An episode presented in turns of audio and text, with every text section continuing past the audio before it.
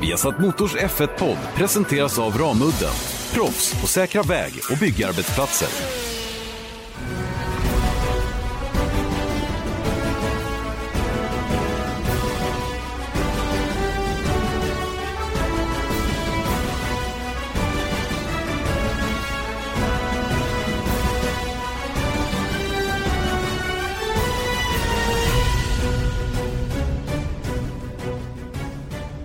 Årets sista dag och eh, Viasat Motors Formel 1-podd är förstås tillbaka. Eh, det är ju tisdag och då ska det finnas en podd på plats.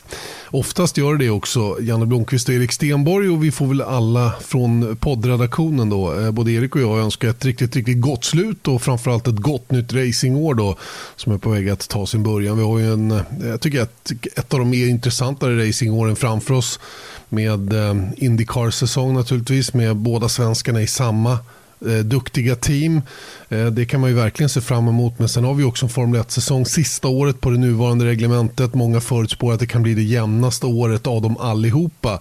Sen man tog de här eh, bilarna i bruk. Då, I alla fall det här motorreglementet i bruk 2014. Sen har det ju justerats lite grann på vägen. Eh, sen blir det ju väldigt, väldigt spännande att se vad som händer efter 2020 givetvis. Men det får vi ta i nästa års upplaga av F1-podden då på nyårsafton eller vad det nu kan bli. Det är faktiskt skottår också det året som kommer. Eh, 29 dagar i februari. Jag vet inte om det har någon speciell betydelse eller vad det nu kan vara. Men, men så är det i vilket fall som helst. Eh, det kanske gör att någon blir extra duktig, ingen aning. Eh, man får ju sin födelsedag skjuten på. Någonting så. Det beror på hur vidskeplig man är. Eh, jag är inte speciellt vidskeplig i vilket fall som helst. Eh, sitter och laddar för, eh, för nyårsafton och nyårsfirande. Det tror jag ni allihopa gör. Men, men på vägen fram till att man drar på sig smoking eller sin kostym eller vad man nu har på sig till kvällen och ska ta den där fina oxfilén eller hummen eller vad det nu kan vara så kan det ju vara, faktiskt vara en bra idé att lyssna på veckans Formel 1-podd. Och som ni vet så kör vi vidare med Formel 1-poddens Proust-questionnaire. Vi förklarade det förra veckan då att det är ska vi kalla det då, en, en intervjuteknik då, som eh, baseras på ett, eh, en, eh, ett sätt att ställa frågorna då, som, som enligt Marcel Proust då, skulle ta reda på verkligen hur den här människan var då på djupet. Förra veckans gäst var ju Marcus Eriksson. Den här veckan bjuder vi på en annan racerstjärna, svensk sådan då, som dock har slutat att racea på den allra högsta nivån. Eh, det är nämligen min kollega och eh, gode vän Björn Wirdheim du ska föra den här gången. Björn Wirdheim är alltså i Viasat Motors Prost Questionnaire den här veckan. Eh, den här eh, delen av eh, F1-podden presenteras precis som förra veckan av Berta Soni.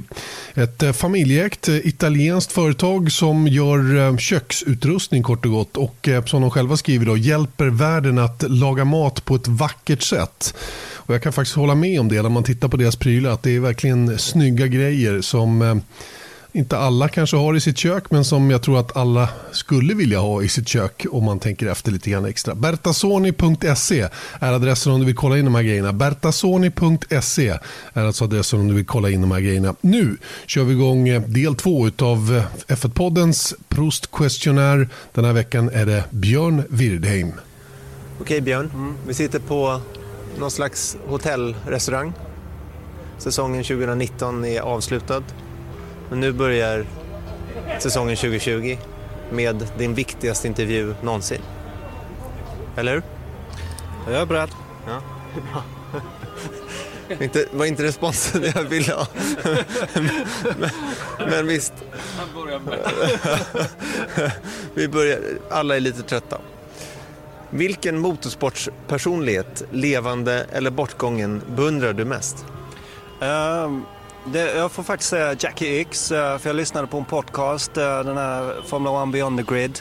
Och uh, kunde faktiskt inte så mycket om Jackie X uh, förrän jag lyssnade på den här. Uh, det är Tom Clarkson som gör det. Och uh, den var grymt intressant och jag fick um, en helt annan bild av honom som förare. Han är ju någon som fortfarande rör sig ute på Formel 1-racen och minns jag såg honom när jag gjorde det historiska racet i, i Monaco förra året. Eh, och eh, när man väl eh, inser vad han har åstadkommit så är han en legend. Levande legend. Mm. Du, min favoritförare, alla kategorier, är Jackie X. Och det var... Alltså, han är ju före vår tid så att säga, men grejen var att det finns en film som heter The Speed Merchants som är handlar om honom, Vic Elford, Ronnie Pettersson med på ett hörn, Mario Andretti och sånt där. Det handlar om att egentligen vara racerförare på den tiden. Så den måste du se. The Speed Merchants, det är ett filmtips. Vilket vi kommer till lite snart här. Nu går vi vidare. Vilken levande person i alla kategorier beundrar du mest? Ja, jag såg ju de här frågorna för en liten stund sedan och eh, eh, nu har jag fått en chans att fundera lite grann på det och eh, jag säger att det är min pappa faktiskt. Um, och um, det hade varit desto enklare att säga det när man var lite yngre, så det är för alla barn.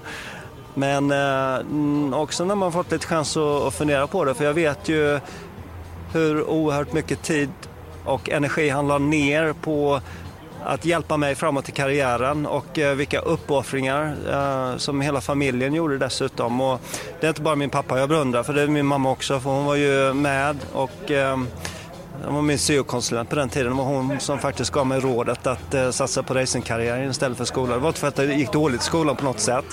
Men, eh, nej, men alltså när man ser tillbaka på det där och framförallt nu när man är förälder själv. Eh, om jag skulle kunna tänka mig att lägga ner samma energi på min dotter och det, det, det kan man ju inte säga nej till heller men ehm, eh det, det beundrar jag honom mycket för.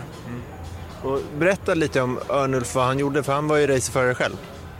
Ja, alltså han var tävlingsförare själv, eh, men han började rätt så sent. Eh, men han blev duktig. Eh, han måste ha varit i 30-årsåldern när han började och fick sina största framgångar när han var i 40-årsåldern. Och han blev faktiskt den första svensken att vinna Nybyring 24 timmar sen Porsche 911 RSR. Om det var 93 eller 94, det minns jag inte nu. Eh, och eh, det, det, var ju helt fantastiskt men eh, samtidigt så höll jag på att köra gokart och var på väg att ta steget över till formelbilsracing. Så att istället för att satsa vidare på sin egen karriär så, så bestämde han sig för att satsa på mig istället. Ehm, ja, och det var, det var, så, det var så det gick till. Mm. Har du sett den? I, när du åker in till banan på Nürburgring så finns det en vägg där alla vinnare på Nürburgring har, sitter och där sitter din pappa. Det stämmer och eh, det är han väldigt noggrann med att påpeka vartenda gång man är på plats. Han är, han är extremt stolt över det och det, det ska han vara med all rätt. Ja, det tycker jag verkligen. Går vi vidare. Vilket tillfälle inom motorsporten har betytt eller påverkat dig mest?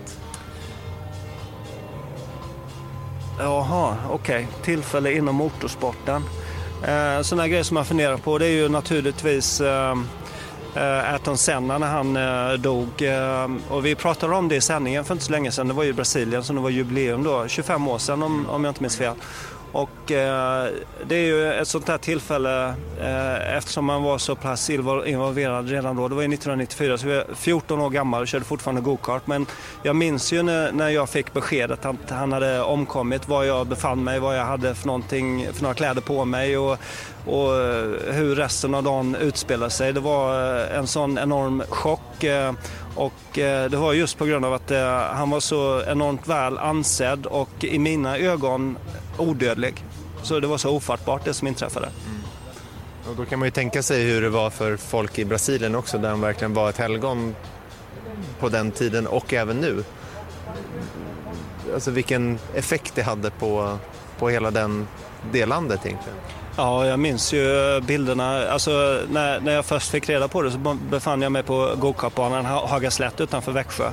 Och jag minns att vi hade spelat in det här racet. Ehm, och Eh, vi åkte direkt hem och, och, och, tittade på vad det var som hade hänt. Och sen så minns jag första bilden som kom på tvn. Det var en bild på Ayrton Senna när han eh, sitter i en helikopter på väg någonstans. Eh, det här var ju på Eurosport och jag kommer ihåg vilken lättnad jag kände att han är faktiskt vid liv. Alltså. Och sen så fick man det tråkiga beskedet då. Det var ju ja, devastating som du säger på engelska. Ja, usch. Jag minns också. Såg, såg det på ja, gamla föräldrahemmet. Jag var 12 också. Samma effekt där. Mm. Hur kommer det sig att du började med racing då?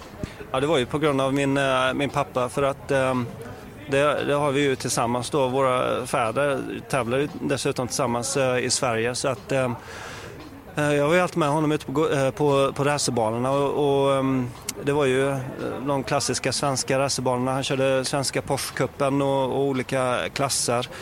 Och det var ju från och med det att jag var kanske 4-5 år gammal som, som jag var med och sen började han tävla utomlands och då tog man ledigt för, från skolan för att hänga med honom eh, ner till Nybring eller vad han nu skulle för någonstans. Och eh, det var så intresset eh, föddes. Ehm, så att det blev rätt så naturligt för min egen del att eh, börja köra gokart när jag väl hade eh, chansen. För att det är ju en sån här grej, när man växer upp med en, en förälder som håller på med motorsport så ärver man det intresset. Ehm, det är starka minnen. Mm. Men hur, eh, hur började det rent krasst då, liksom första gången du körde gokart? Ja, det började med att um, jag fick för mig att jag, jag insåg att man kunde köra gokart som åttaåring. Så tog jag med min mamma till uh, lokala uh, motorklubben Växjö MS som jag fortfarande är medlem i. Och uh, ja, de skickade hem mig igen för jag var inte tillräckligt gammal så att jag fick vänta två till.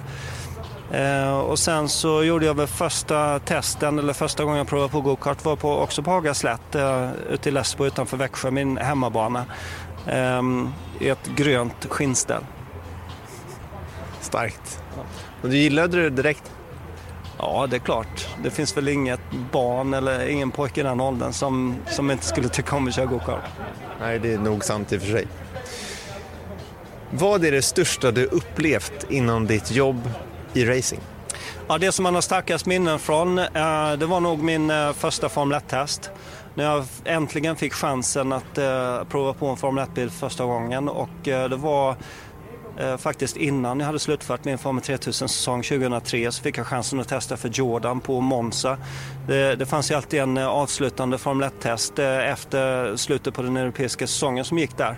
Och eh, året innan, eller till och med två, tre år innan jag bodde i Italien och tränade nere i Viareggio med Dr. Ceccarelli så brukade alla vi förare åka till Monza just för att titta på den här testen och sen så två år senare sitter jag där själv i en bil.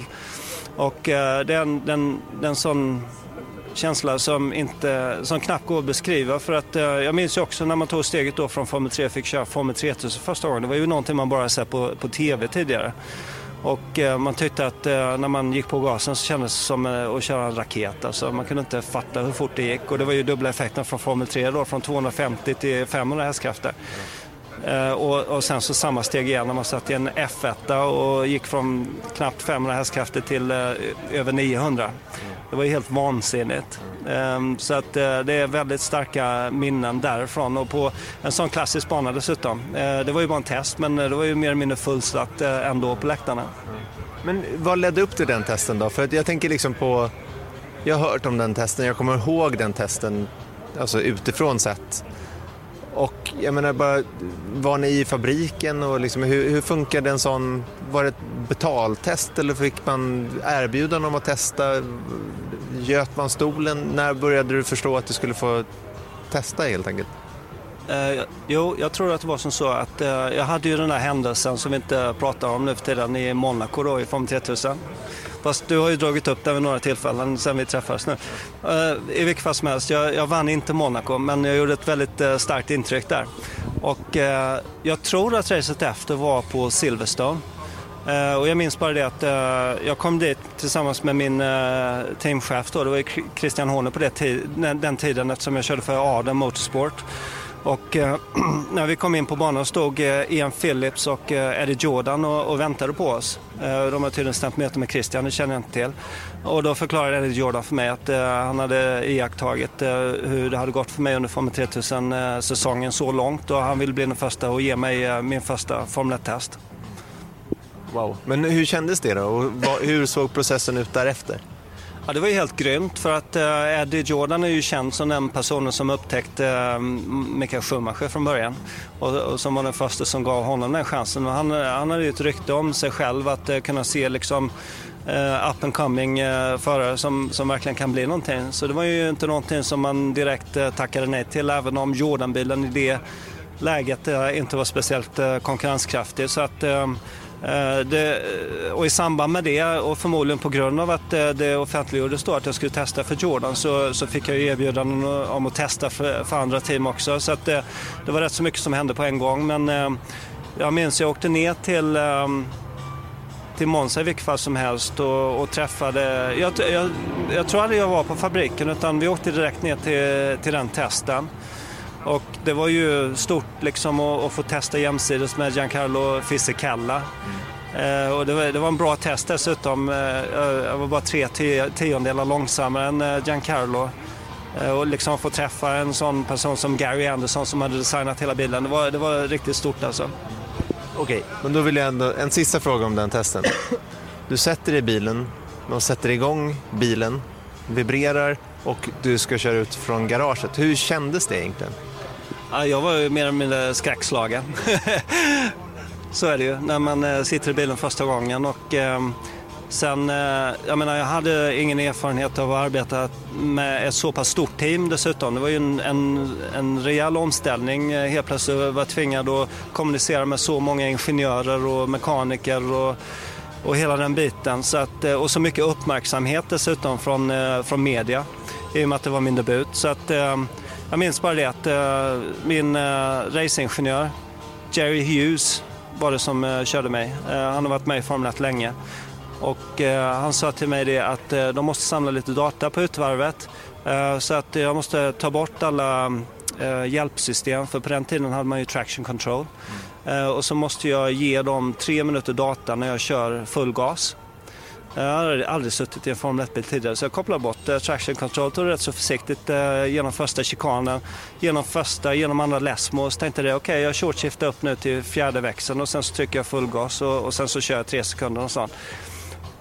Och fick sån grym hjulspinn så på väg att sätta bilen i räcket på högersidan eh, i utgången av lesmo direkt det var sån chock liksom hur mycket kraft det var i motorn. Och jag, hade ändå, jag hade ändå värme i däcken. Jag tyckte jag växla upp till fyran det är väl okej. Okay. så att eh, eh, jag lyckades reda ut den här situationen och sen så lite försiktigt upp på femma, sexan och sen full gas. Och sen helt plötsligt var raksträckan slut. För det gick så fort. Det är otroligt. Det är, det är någonting som jag tror att en sån som jag då, eller någon som inte är racerförare, inte kan förstå hur det känns.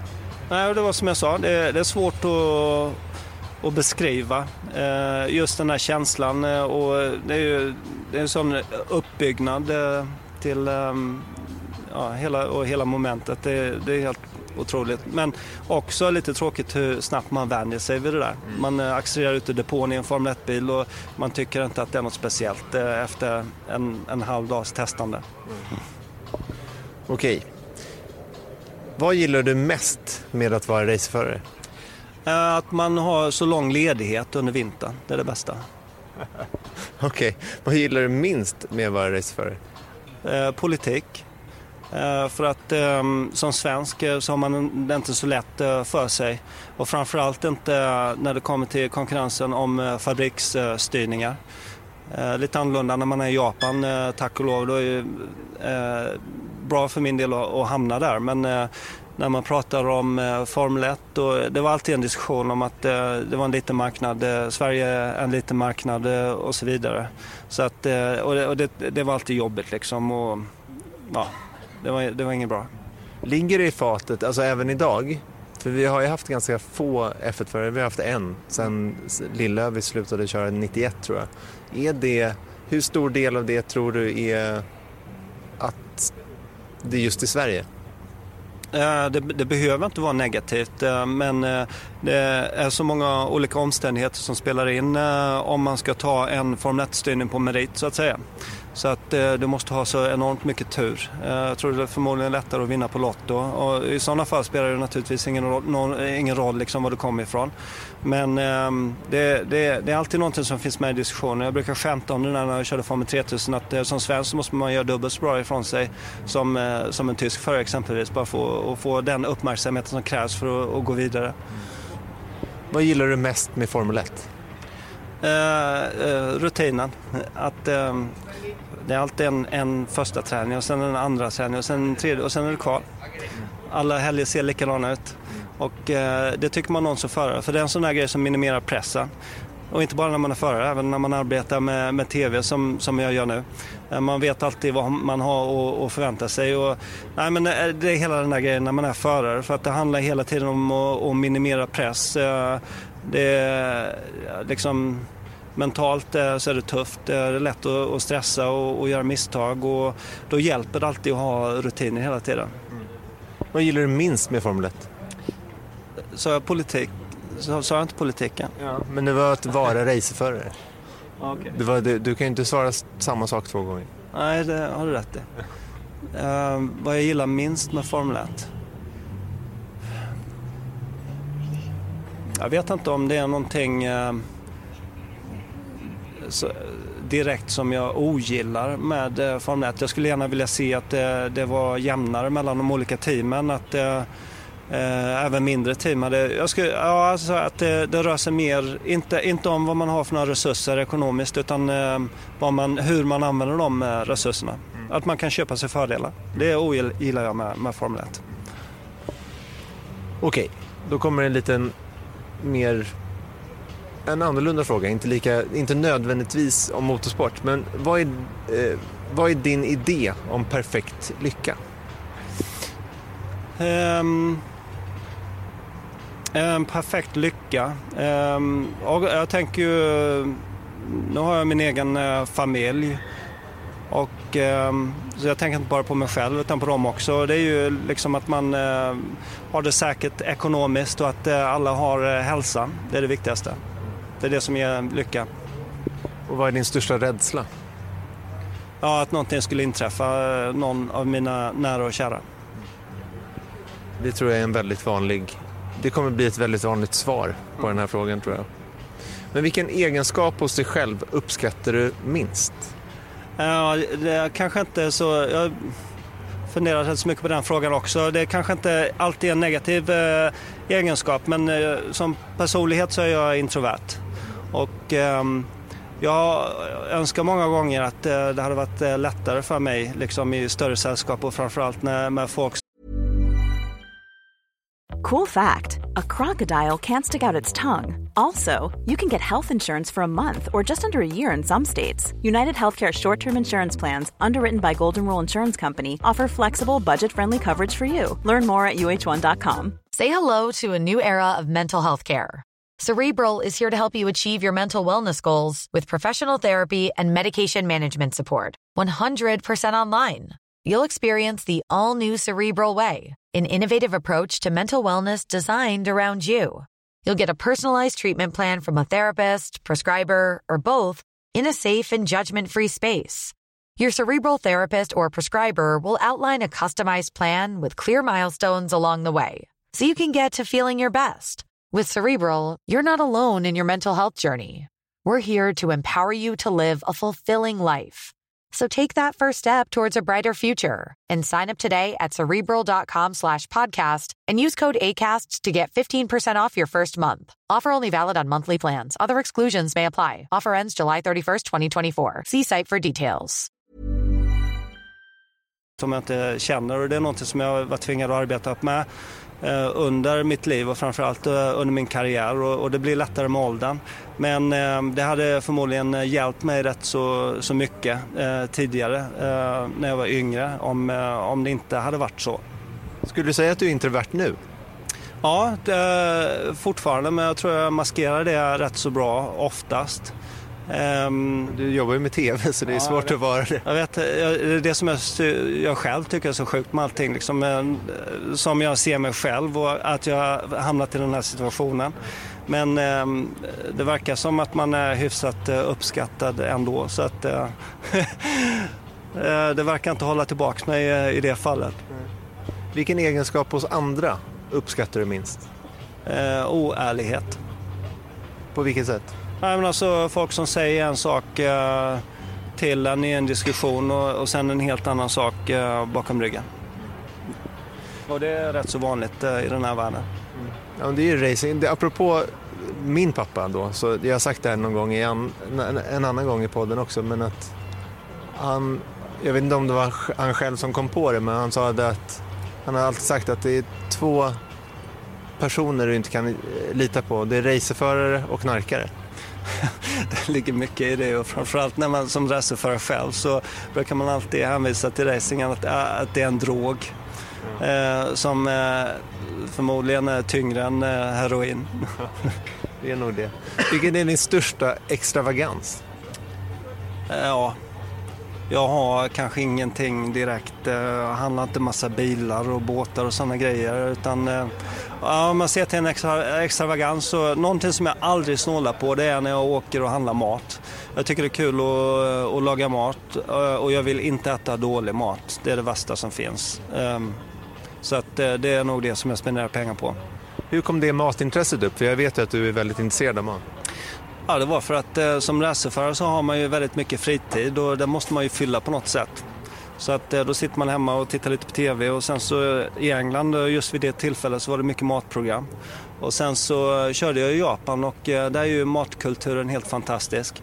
Och eh, man eh, insåg att det fanns så mycket liksom att erbjuda och jag kan aldrig fatta folk som, som säger så här, ja men mat är bara liksom för att, att känna dig mätt, det är bara föda så att säga. De har ju to totalt missuppfattat hela grejen.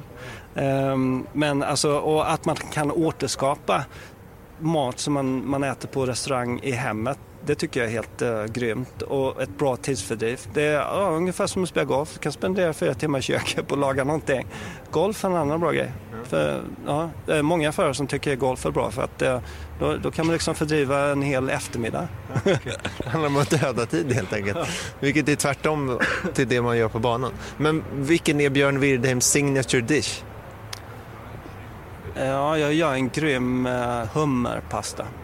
Och det är ingenting jag har kommit på själv, utan, men det är ett recept som jag följer. Ja. ja. Jag, kan, jag, jag uppskattar hummerpasta så du får bjuda mig någon gång. Vid vilka tillfällen ljuger du? Eh, ja, det är nog mest eh, sådär enkla lögner. Så när man har gått och lagt sig och så frågar Ellen, tog du ut soporna? Eh, och så säger man, ja, det gjorde jag. Det upptäcks inte vid morgonen därpå eller? det beror på hur tidigt man stiger upp. Men ofta, jag är inte så duktig på att stiga upp tidigt. Så, men men då har jag åtminstone fått en bra sömn. Du skjuter på problemet varje lite. Det är bra det. Okej, vad gillar du minst med ditt utseende? Ja, och det är det. Och någonting som jag har lagt märke till nu på senare tid. Eh, nu är jag 39. När jag, när jag, när jag mm, nådde 30 så började jag helt plötsligt inse att jag gick upp i, i vikt. Alltså, jag hade varit noggrann med vad jag käkade. för någonting och, och, det är klart, träning och sånt har man ju skött under den perioden som, som man tävlade. Men eh, helt plötsligt när man var 30 så, så kom man inte undan längre med att, eh, med att eh, liksom, inte ens fundera på vad man äter för någonting eh, för att eh, det, det satt sina spår så att säga.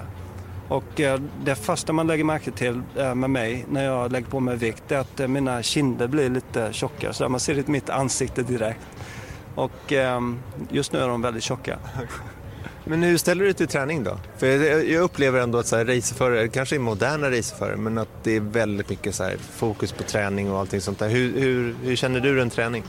Träning är oerhört viktigt och framförallt på Formel 1-nivå.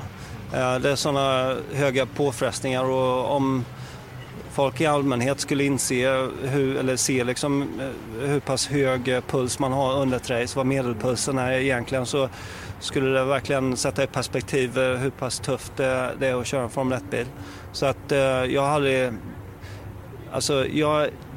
Det är inget... Alltså vara i gym det är det värsta jag vet. Men hålla på med sport, spela tennis, spela squash, till och med springa, paddla kajak håller vi på med. Ehm, så att sådana grejer om man kan få till den typen av träning så har jag ingenting eh, emot det. Och jag har alltid varit eh, tillräckligt eh, vältränad liksom för att kunna utföra mitt arbete som racerförare på ett bra sätt. Det är aldrig någonting som har hållit mig tillbaks. Men det är ingenting Alltså det, det är ingenting jag gör med glädje. Det är inget intresse så att säga? Nej, inte alls. Vad ångrar du mest? Mm. Bara en enkel fråga så här på kvällen vet du vad?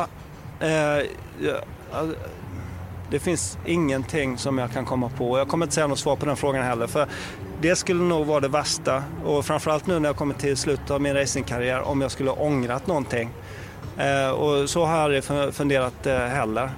Ehm, Eh, man kan gå tillbaka och titta på vad man har gjort tidigare och säga ja men okej, men jag skulle inte tagit det beslutet och så vidare. Men jag funderar inte på det sättet. För att jag tror att det blir bara värre och värre ju, ju äldre man blir om man, om man funderar i de eh, banorna. Så att, eh, det gör jag inte. Var och när var du lyckligast? I någon racing eller? Ja, när som helst. Ja, det var när min dotter föddes. Vilken talang skulle du mest vilja ha?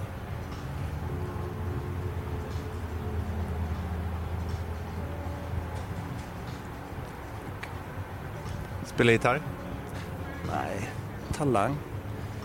Um, jag önskar bara att, att, att jag var snabbare än vad jag var. Alltså om man pratar motorracing och hela den grejen. Jag vet inte om det är någon speciell talang, för det mesta kan man ju lära sig. Talang för min del, det handlar ju bara om hur snabbt du lär dig saker.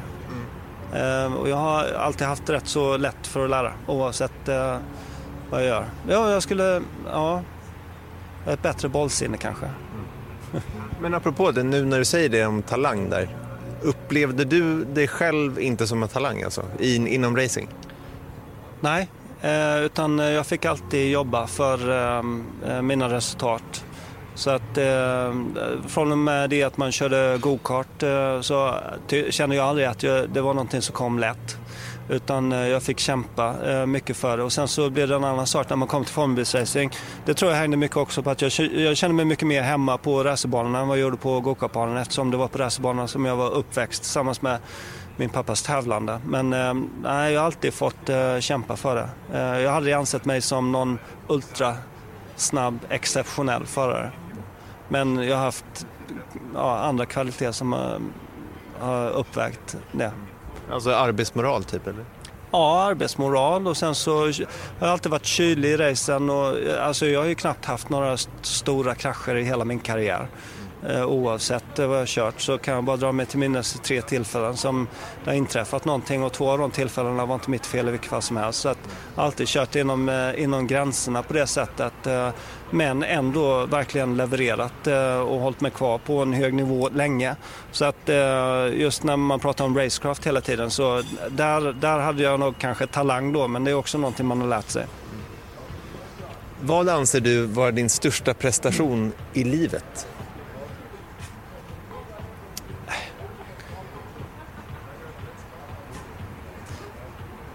Ja, att jag har en vacker familj. Det är min största prestation. Vad anser du var din största prestation med motorsportsanknytning?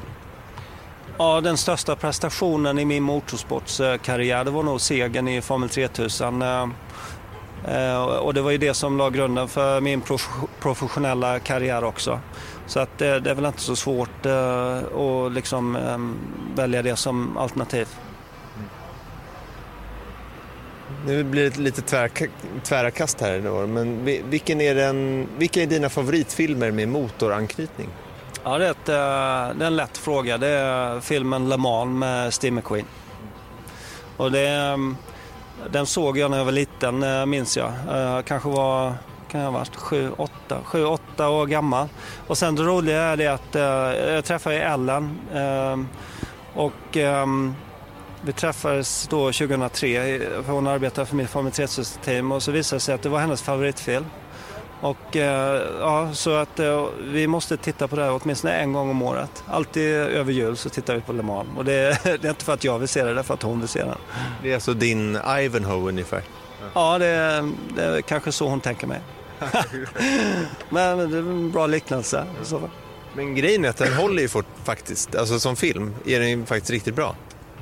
Ja, den blir aldrig gammal. Men jag såg faktiskt den här filmen Le Mans 66 eh, i måndags. Ja, hur var den? Den är riktigt bra också.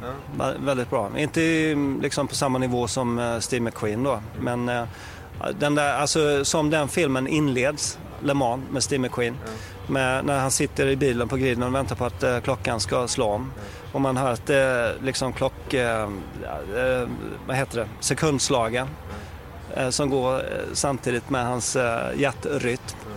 Och det där tänker jag alltid på när jag sitter på griden i en racerbil själv och framförallt när man sitter i en techbil som är Super GT. För då blir det alltid något lustigt ljud på radion. Det klickar i radion med ungefär en sekunds mellanrum. Och då tänker jag alltid på Le Mans-filmen. Ja, coolt. Vilken är den bästa banan du kört på? Ja, det skulle vara rätt så enkelt att säga Macau, eh, för det är ju en fantastisk bana och ehm, Suzuka likaså. Där har jag kört väldigt mycket i och med att jag passerade i Japan så länge. Men eh, den bästa banan för min del är Monza. Det är den eh, snabbaste banan. Och, sen så alltid när du frågar en förare det så brukar du alltid få ett svar liksom där en förare har varit framgångsrik och där, där hade jag bra framgångar, framförallt då i Formel 3000 och första gången jag träffade, testade en Formel 1-bil, första gången jag test, testade en Formel 3-bil dessutom på, på Monza. Så att för min del så är det ett helt magiskt eh, ställe. Mm. Ronnie Pettersson var bra där också. Ja, det stämmer. Mycket historik där. Mm. Då ska vi ta nästa fråga. Vilket race i F1-kalendern? Nu har du varit på allihopa egentligen. Eh, vilket race i F1-kalendern är det bästa att resa till? Alltså allt sammantaget. Ja, jag säger alltid Monza, eh, men det är ju på grund av att jag har mina minnen därifrån. Men jag tycker alltid det blir sån eh, fantastisk eh, atmosfär där. Och just det här hur banan är belägen mitt inne i parken som ligger i, mitt inne i en stad. Alltså, jag kommer ihåg första gången jag kom dit och körde ut med den här muren som om, omgärdar parken och, och, man undrar vad fan är banan för någonstans? För nu är vi ju nästan i stadscentrum och sen så kommer man in genom eh, grindarna och sen så helt plötsligt ligger allting där och, och man kan gå runt och titta på gamla ovalen och, och ja, alltså det är en sån grym känsla som racerförare att gå runt där bara. Det är så mycket historik och allting sitter i väggarna där. Så att eh, det är en upplevelse och framförallt också på grund av att de italienska fansen är så enormt eh, engagerade hela tiden. Um, så att det är nog mitt nummer ett. Eh, men sen är det ju alltid häftigt liksom med race som Singapore. Austin också en publikfavorit och framförallt om man ska åka och titta på sin första race. Lättillgängligt och hela den biten. Så att eh, Monza, det är bäst. Vilken är den sämsta då? Ja, det är också lätt. Det är Ryssland. Det är det sämsta. Det är det, men dit ska vi inte åka nästa år, Nej. förstår jag. Det verkar inte så i alla fall. Men vad, vad eller Formel 1 kommer att åka dit, men kanske inte just vi då. Men vad är det som gör att det är så... Eh, att det, för det är en fin bana. Ja, det är inget fel på banan, men det är hela atmosfären runt omkring. Och faktum är det att eh, nu var det i år andra, andra gången jag var där och då var vi lite mer eh, ja, runt omkring och, och testade liksom lite restauranger som låg utanför hotellet för en gångs skull. Men, och så att, eh, då fick man faktiskt ett lite bättre intryck och rysk mat om den är vällagad, eh, den är, den är bra den också. Men nej, jag tycker att folk ser inte så glada ut eh, där.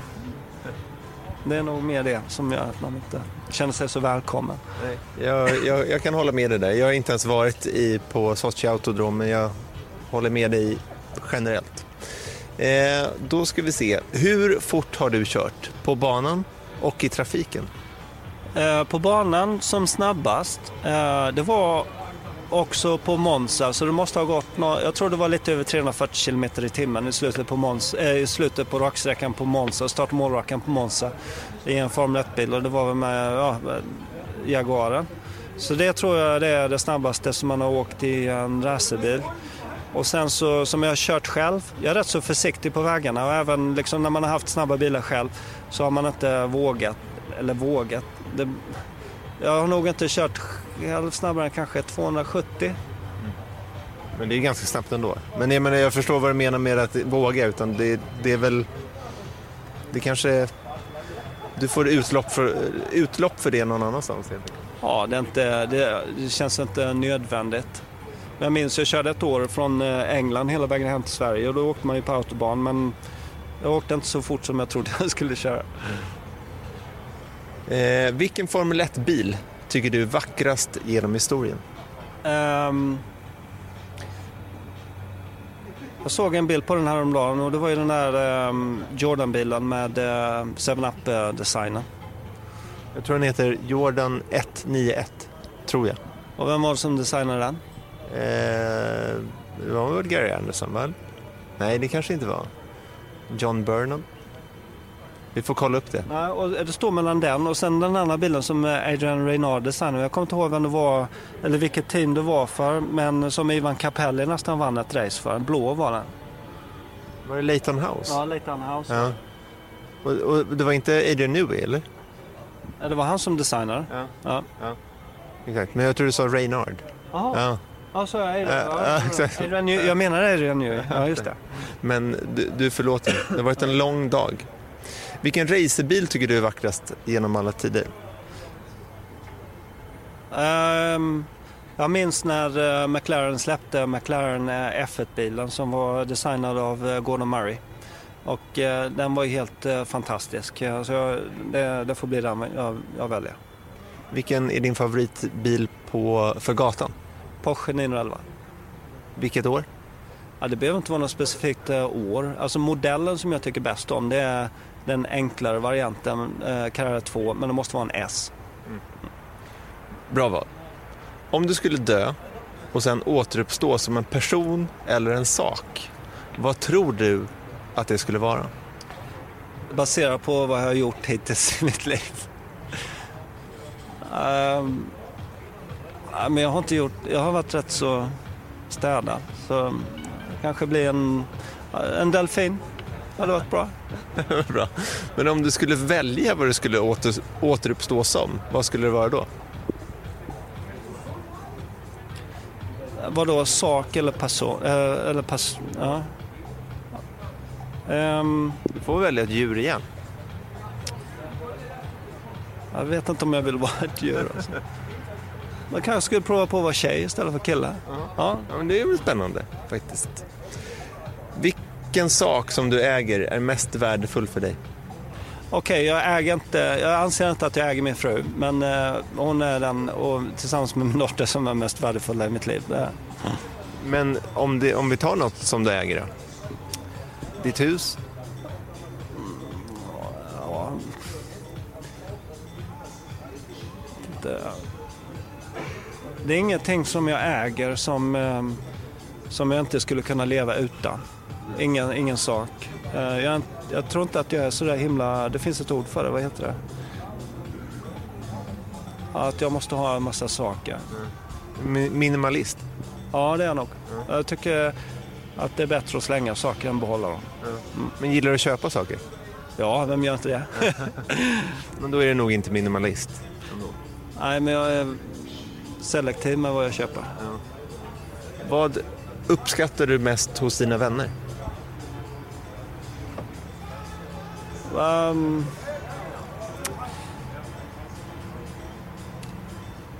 jag vet inte. Alltså, bara gott sällskap. Det räcker så. Vad är ditt motto?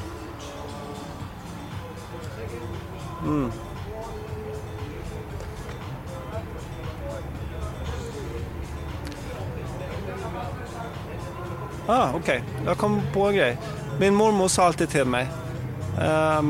Be- behandla andra som du själv vill bli behandlad. Det är nog eh, ett bra motto. Och sen så tar vi alltid den här uh, som sista fråga i det här frågeformuläret. Som är väldigt enkelt och lätt. Vad tror du är meningen med livet?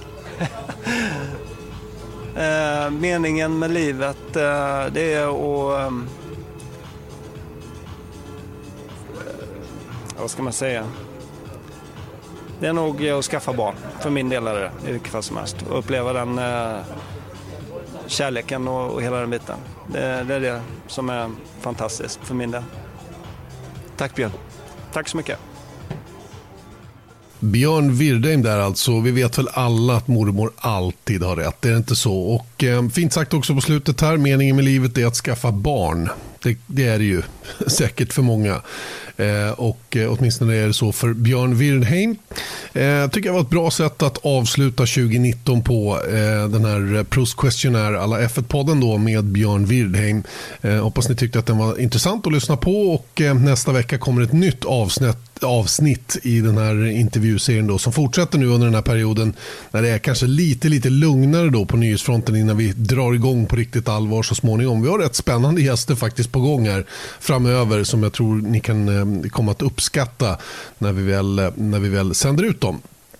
Eh, hur som helst, Janne Blomqvist heter jag. Erik Stenborg vet jag också. Han är inte med just nu när jag spelar in det här. Men i vilket fall så vet jag att han, precis som jag, vill önska alla nu ett riktigt, riktigt gott slut och ett fantastiskt gott nytt år. Eh, och eh, hoppas ni har fått en bra början på det här året nu om ni väljer att lyssna på det kanske dagen efter nyårsafton eller när det nu kan vara. Inspelat är det i alla fall på nyårsafton det här poddavsnittet som blir det sista för 2019 och det sista det här decenniet. Nu kommer vi tillbaka nästa decennium. Det låter lite stort när man säger det. Tack så mycket. Ha det gott. Hej då. Viasat Motors F1-podd presenteras av Ramudden. Proffs på säkra väg och byggarbetsplatser.